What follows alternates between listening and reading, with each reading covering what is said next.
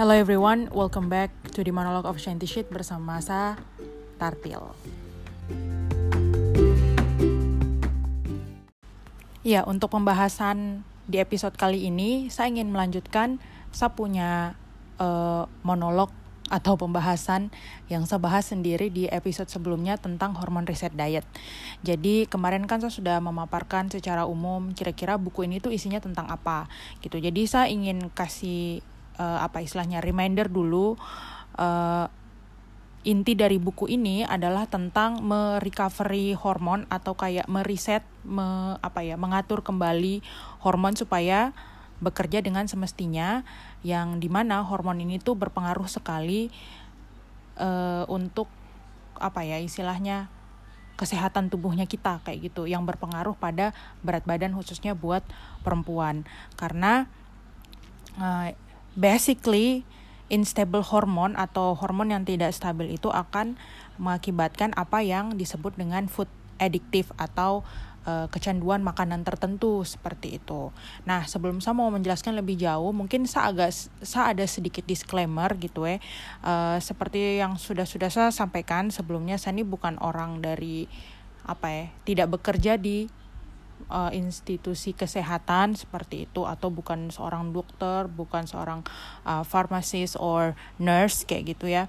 Tapi ya karena memang saya punya bidang keilmuan itu dekat dengan pembahasan-pembahasan seperti ini, jadi mungkin ada beberapa hal yang saya agak familiar dan mungkin beberapa rekomendasi yang diberikan oleh buku ini yang nanti akan saya sampaikan itu tuh uh, lebih mengarah kepada uh, western style diet gitu. Jadi makanan yang disesuaikan dengan cara atau model makan orang barat kayak gitu. Jadi ketika teman-teman atau para pendengar mendengarkan apa yang saya sampaikan mungkin bisa disesuaikan dengan kebutuhan teman-teman seperti itu. Nah, ngomong-ngomong tentang hormon yang ada di buku ini, jadi e, menariknya dari buku ini adalah ini adalah buku hasil riset gitu loh, hasil riset dari seorang dokter dan dia sudah mengumpulkan beberapa e, macam informasi yang memang sesuai dengan buku yang ingin dia buat ini. Salah satunya adalah dari ahli hormon. Selain itu juga orang ini kenapa dia sampai e, gimana ya?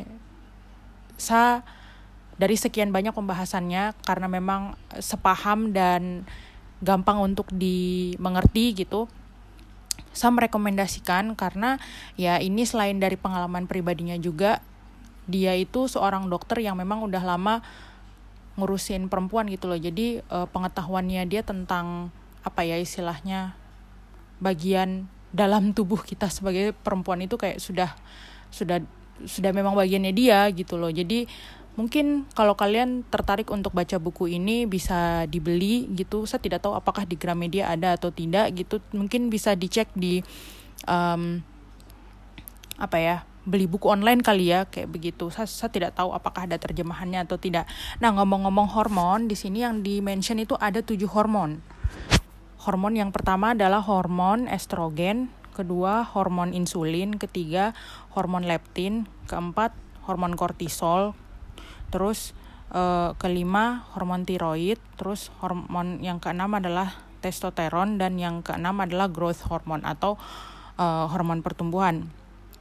Jadi setelah baca-baca ini gitu toh uh, setelah baca buku ini ketujuh hormon ini tuh benar-benar interconnected. Maksudnya dia itu berhubungan satu dengan yang lainnya. Kalau misalnya uh, kita menghindari satu makanan untuk menstabilkan hormon tertentu, misalnya hormon A, itu juga membantu untuk menstabilkan hormon yang lain kayak begitu.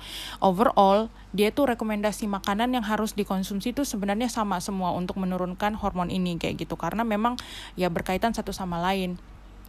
Sama di sini untuk riset atau merecovery atau apa ya istilahnya mengatur ulang kita punya hormon itu itu membutuhkan waktu selama 21 hari untuk tujuh hormon ini. Jadi satu hormon itu butuh waktu 24 kali 3. Jadi 24 jam kali 3. Jadi totalnya kalau misalnya kita mau mereset hormon ini itu jumlahnya ada 21 hari. Setelah itu direkomendasikan untuk uh, apa ya namanya? Dia sebut kayak masukkan ulang makanan-makanan yang sudah kita hindari tapi dengan porsi yang secukupnya. Jadi uh, direkomendasikannya kayak kita sudah makan makanan sehat nih toh selama 21 hari, hari ke-22 kita bisa makan normal, makan makanan yang kita suka tetapi uh, kita tahu takarannya dari mana. Karena kita mungkin sudah terbiasa selama 21 hari itu dia nyebutnya nih guts feeling. Guts feeling tuh uh, kita ngerasain dari dalam tubuh kita oh ini tuh nggak boleh kebanyakan. Oh ini tuh nggak baik buat kesehatan. Kayak begitu begitu jadi tapi boleh dimakan tapi tidak berlebihan. Seperti itu. So oke okay, kita mulai saja. Bagaimana cara merecovery atau mereset hormon? Yang pertama adalah estrogen. Jadi uh, kalau saya ingat-ingat mata pelajaran biologi dulu pas waktu SMA hormon estrogen ini itu uh, berlawanan dengan hormon progesteron. Jadi kalau misalnya hormon estrogen ini tinggi, progesteronnya rendah. Begitu juga sebaliknya. Kalau hormon progesteron itu dari buku ini dijelaskan secara umum itu gunanya untuk menstimulasi perasaan senang, perasaan gembira, perasaan positif, menganggap diri kita kurus dan lain sebagainya seperti itu. Sedangkan estrogen, nah hormon ini memang diperuntukkan khusus untuk perempuan. Jadi makanya kalau kita heran kenapa kita itu lebih mudah gemuk daripada laki-laki ya karena laki-laki punya hormon estrogen itu lebih sedikit daripada kita kayak gitu kata buku ini seperti itu ya bukan kata saya begitu saya sudah kayak macam apa namanya uh, penasihat kesehatan sekali padahal bukan sama sekali. Hmm, jadi intinya kalau mau menstabilkan hormon estrogen itu teman eh, teman-teman yang mungkin sedang struggling dengan berat badan gitu atau siapa pun bisa mengurangi konsumsi daging merah atau alkohol yang pengkonsumsi alkohol kayak gitu. Kenapa? Karena uh, dua jenis makanan ini, dua jenis, uh, ya dua jenis makanan ini tuh bisa menghambat pencernaan. Kalau misalnya pencernaan kita terhambat, maka kita akan mengalami yang namanya konstipasi. Konstipasi itu seperti susah buang air besar gitu toh. Jadi uh, diharapkan untuk menghindari mengkonsumsi makanan ini seperti itu. Nah, mengkonsumsi mengurangi konsumsi daging merah juga itu kayak perlu diperhatikan tentang apa ya dia punya daging itu maksudnya yang perlu diperhatikan itu uh, kenapa daging itu perlu dihindari? Kok ngomongnya belibet ya? Karena uh, daging itu tuh bisa jadi di apa ya diternak dengan makanan yang kita tuh nggak tahu gitu loh asalnya dari mana gitu. Apakah itu baik nanti untuk pertumbuhan si hewannya? Terus dagingnya itu kan kita konsumsi kayak gitu. Concernnya para saintis di bidangnya di bidang makanan kesehatan kenapa daging merah ini perlu dikasih apa istilahnya alert gitu toh perhatian lebih? Karena dia punya pakan ternak itu bisa jadi dari biji-bijian yang sudah dimodifikasi genetiknya kayak gitu. Buat teman-teman yang kuliah di pertanian kayak gitu atau berkecimpung di bidang apa namanya uh, apa ya namanya kalau mereka itu pokoknya uh, genetika ya eh genetika bioteknologi dan lain sebagainya GMO ini mungkin uh, menurut mereka baik-baik saja kayak gitu tapi memang ini apa ya menurut satu masih dalam perdebatan sekali di seluruh dunia kayak gitu jadi uh, kalau untuk segi pandangnya orang kesehatan, salah satunya adalah dokter ini yang nulis buku ini, dia merekomendasikan untuk mengurangi konsumsi daging merah karena yaitu uh, bisa jadi pakan terka, pakan ternaknya itu mengandung GMO kayak gitu. Atau mungkin dagingnya itu disuntik dipakai suntikan hormon kayak gitulah. Kalau misalnya uh, kalian familiar dengan i makanannya itu disuntik-suntik, nah, itu maksudnya ya GMO itu kayak gitu terus uh, apa namanya kalau misalnya kita atau orang yang mungkin uh, sudah kebanyakan makan daging merah gitu atau mengkonsumsi alkohol di sini disebutkan sebagai orang yang memiliki gejala estrogen dominans. Apa itu gejala estrogen dominans?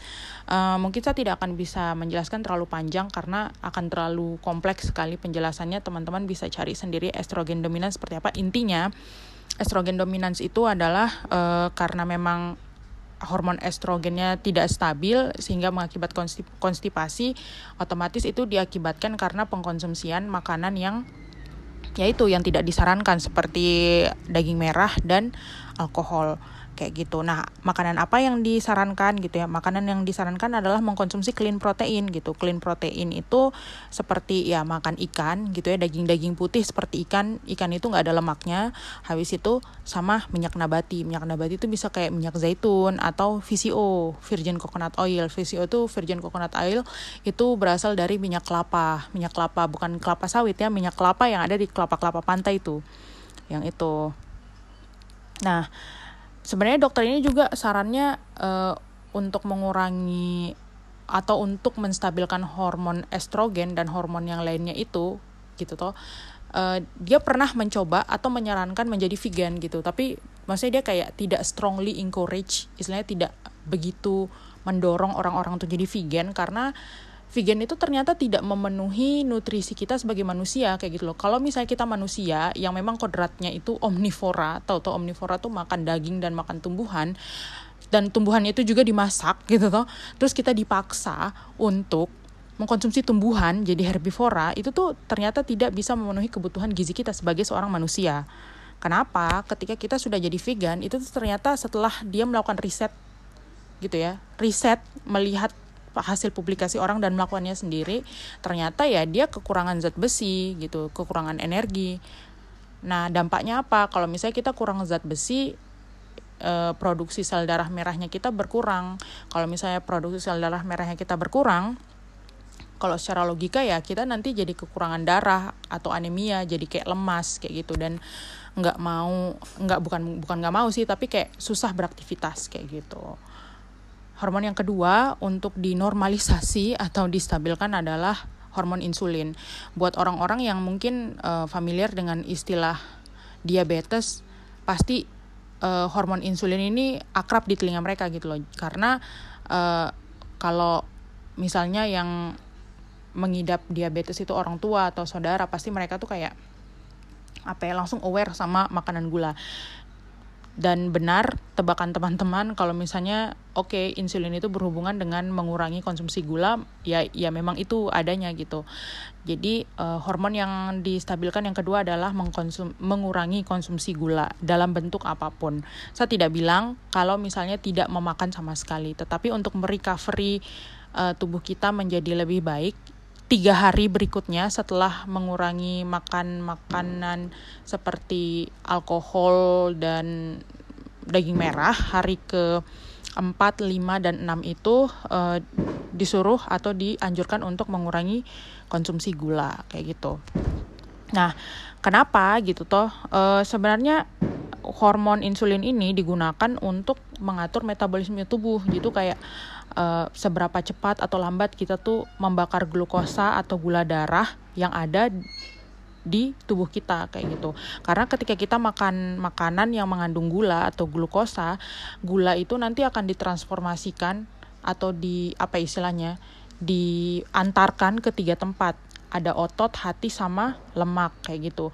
Nah, kalau misalnya jumlah insulin itu normal, jadi kita punya hormon insulin itu, hormon insulin itu diproduksi sama pankreas. Pankreas itu ada di bawah hati. Kalau misalnya insulinnya kita normal, semua gula yang kita konsumsi itu akan di antarkan atau di shipping ke otot kayak gitu bahkan untuk di lemak atau di uh, hati itu mungkin tidak ada sama sekali. Pokoknya di otot semua kayak gitu. Nah kalau misalnya kita kebanyakan makan gula gitu toh banyak sekali makan gula itu akibatnya uh, si pankreas itu akan bingung. Dia akan menghasilkan banyak sekali insulin. Kalau misalnya banyak sekali insulin yang uh, apa ya istilahnya diproduksi kayak gitu toh jadinya dia bingung gitu loh. Karena kebingungan insulin mengantarkan gula ilustrasinya seperti itu uh, makanya itu orang bisa mengidap yang namanya uh, you know diabetes gitu. Atau kalau secara med bukan medis ya um, akademik begitu academically mereka nyebutnya namanya insulin resisten kayak gitu. Orang-orang yang mengalami diabetes diabetes itu bisa jadi mengalami insulin resistance karena insulinnya insulin yang diproduksi terlalu banyak tapi tidak tidak berguna gitu. Sama kayak kita mendapatkan load pekerjaan yang banyak gitu dan akhirnya kita bingung mau ngerjain apa seperti itu. Rekomendasi konsumsinya apa? Eh, mengkonsumsi apa aja rekomendasi untuk mengurangi konsumsi makanan gula? Uh, di sini dokter ini toh dia kayak rekomendasikan untuk yaitu clean protein, clean protein terutama kayak protein yang terfermentasi seperti kita di Indonesia mungkin bersyukurlah uh, mudah mencari yang namanya tahu tempe gitu. Bisa bisa dikonsumsi sama umbi-umbian serta jangan lupa exercise gitu. Ada satu informasi yang ingin saya sampaikan kepada kalian semua. Mungkin ini beberapa dari kita mungkin sudah tahu tetapi ini uh, basicnya atau dasarnya tuh berdasar eh, ini berdasarkan apa ya berdasarkan penelitian gitu loh. Kalau gula itu memiliki efek candu yang sama seperti narkoba atau kayak heroin, kokain dan lain sebagainya. Dan ini bukan berarti kalau gula itu memiliki ini kalau kalau misalnya gula sama dengan punya dampak yang sama dengan heroin atau kokain berarti kita bisa mengkonsumsi kokain atau heroin. Tidak tetapi kalau berdasarkan riset gitu loh, berdasarkan penelitian gula ini ketika diuji coba dengan si tikus gitu toh. Uh, jadi tikusnya tuh dikasih kayak biskuit, biskuit Oreo gitu yang ada gulanya lah, yang banyak gulanya itu. Itu tuh otaknya tuh dimonitor gitu toh. Dalam otaknya tuh dimonitor itu efek dari mengkonsumsi gula tuh isi otaknya tuh kayak ini nyala-nyala lampu Natal yang ting ting ting ting ting, gitu yang yang bergantian dari bawah sampai ke atas gitu. Nah, itu pas diuji coba dengan heroin juga sama kayak gitu. Makanya kalau misalnya ngelihat anak-anak kecil mereka craving sama gula itu uh, mungkin bisa di apa ya? bisa diedukasi dengan cara mereka dengan cara kita sebagai orang dewasa kepada anak-anak untuk supaya mereka tuh uh, mengurangi gula. Ya ampun, petasan seperti itu. Jadi uh, ya supaya supaya nggak kecanduan gula sampai mereka nanti dewasa seperti itu. Yang ketiga mungkin bisa riset hormon leptin. Ini yang paling aneh sih. Hormon leptin itu uh, dia itu dipengaruhi karena konsumsi buah. Uh, pasti saya yakin banyak orang yang berpikir kalau misalnya bagaimana bagaimana kita mau mengurangi buah sedangkan buah itu adalah opsi yang paling mungkin bagi orang-orang yang mau diet gitu. Saya juga memikirkan hal yang sama ketika sebelum membaca buku ini, sebelum mengisi eh, membaca detail judul subbab buku ini gitu. Tapi setelah saya baca lebih lanjut ternyata make sense. Kenapa? Gitu karena ya buah-buahan gitu toh mengandung fruktosa. Jadi fruktosa itu turunan dari gula itu sendiri gitu. Turunan dari gula itu sendiri uh, tapi tidak se gimana ya istilahnya tidak se wild gula yang lain bentuk gula yang lain gitu. Jadi fruktosa itu masih ya normal lah dikonsumsi. Tapi kalau misalnya dikonsumsi terlalu banyak gitu nanti modelnya sama kayak insulin. Kita bisa mengalami yang namanya uh, leptin resisten kayak gitu. Uh, jadi hormon leptin ini adalah hormon yang memberikan sinyal kalau kita tuh udah cukup kenyang gitu loh. Kalau misalnya kita kenyang, kalau kita makan, habis itu kita mikir, oh iya udah cukup, saya sudah kenyang kayak gitu loh. Jadi berhenti udah makannya kayak gitu.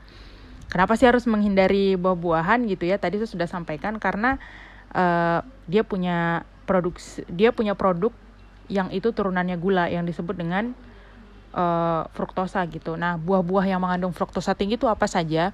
Tonton bisa searching. So, kalau mau sebutkan itu ada seperti melon, semangka, pepaya yang mateng itu toh sama uh, apel. Itu itu banyak sekali gulanya, tapi yang lain juga banyak. Coba teman-teman searching.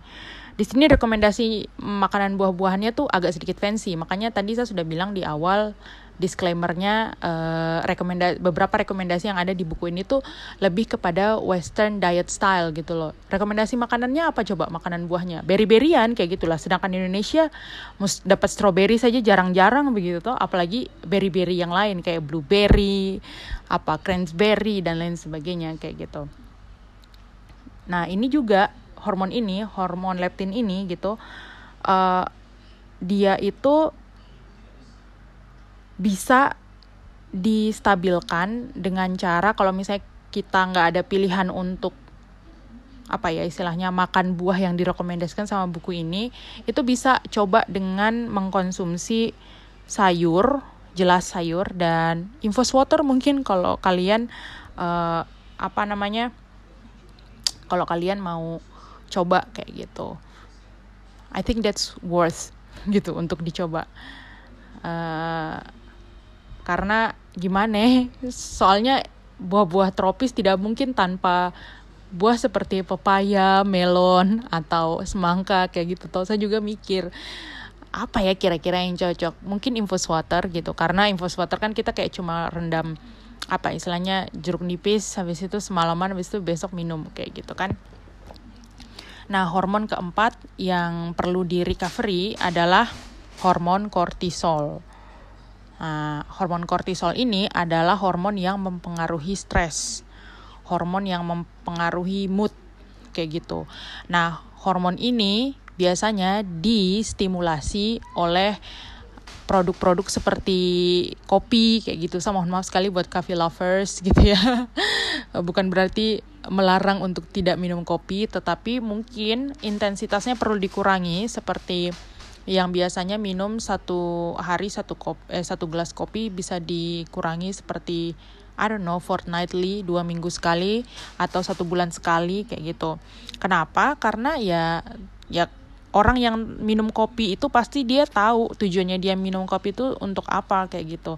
Tapi itu tuh sebenarnya bisa merusak mood dan meningkatkan kekhawatiran yang sangat berlebihan kayak gitu jadi dia punya alur tuh ketika kita mengkonsumsi kopi, kopi itu kan mengandung kafein, kafein itu dihantarkan di hipotalamus. Nah, hipotalamus itu yang ngatur level hormon kemudian disampaikan lagi ke kelenjar adrenalin untuk dilepaskan. Nah, ketika dilepaskan sorry, pas waktu disampaikan ke kelenjar adrenalin untuk lepaskan hormon kortisol gitu. Jadi setelah hormon kortisol itu dilepaskan after efeknya itu ya yaitu membuat kita tuh kayak tiba-tiba jadi moody maksudnya moodinya tuh kayak bagaimana ya? menggebu-gebu kayak begitu nah hormon kortisol ini juga gitu toh kalau misalnya hormon kortisolnya tidak stabil yang artinya dia tuh naik kayak begitu meningkat itu juga bisa mempengaruhi tingginya gula darah yang akhirnya kalau misalnya kita refleksi lagi gula darah itu berkaitan dengan hormon insulin artinya bisa jadi uh, apa ketidakstabilan hormon kortisol ini bisa menyebabkan yang namanya insulin resistance kayak begitu. Jadi uh, sebisa mungkin dikurangilah apa namanya konsumsi kopi ini gitu kan. Kalau saya sih pengalaman pribadi minum kopi dulu itu mungkin karena sedang ini KP butuh butuh banyak inspirasi. Jadi jatuhnya mungkin karena tidak terbiasa gitu ya uh, efek minum kopi tuh jadi kayak apa ya jadi kayak random begitu loh tiba-tiba semua ide tuh muncul. Padahal saya butuh ide untuk ngetik satu topik yang keluar itu banyak topik yang sebenarnya saya tidak butuhkan gitu. Akhirnya ketika saya berpikir saya capek sendiri. Kayak gitu. Itu sih yang mungkin uh, apa namanya side effect dari minum kopi gitu ya. Uh, dan yaitu mempengaruhi hormon kortisol gitu loh yang membuat hormon lain atau insulin itu sendiri meningkat.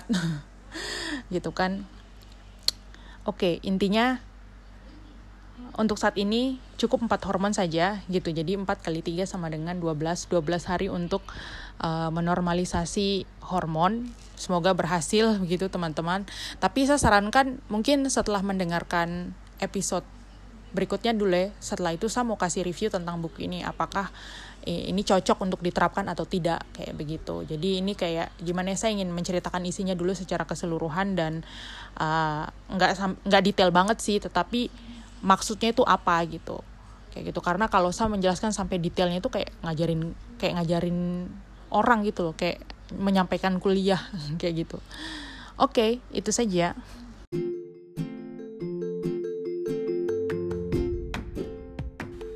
Untuk sementara itu saja yang mungkin bisa saya sampaikan mengenai hormon reset diet.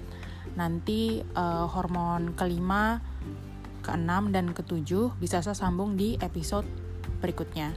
Kalau kalian menganggap postingan ini seru dan bermanfaat atau memang uh, cocok lah buat di share tolong di share dan jangan lupa subscribe saya punya uh, channel podcast di akun Spotify mana pun yang kalian punya atau mungkin bisa dengar di Google Podcast yang tidak punya Spotify atau Apple Podcast atau yang lainnya. Dan sampai jumpa di episode yang lebih seru. Dadah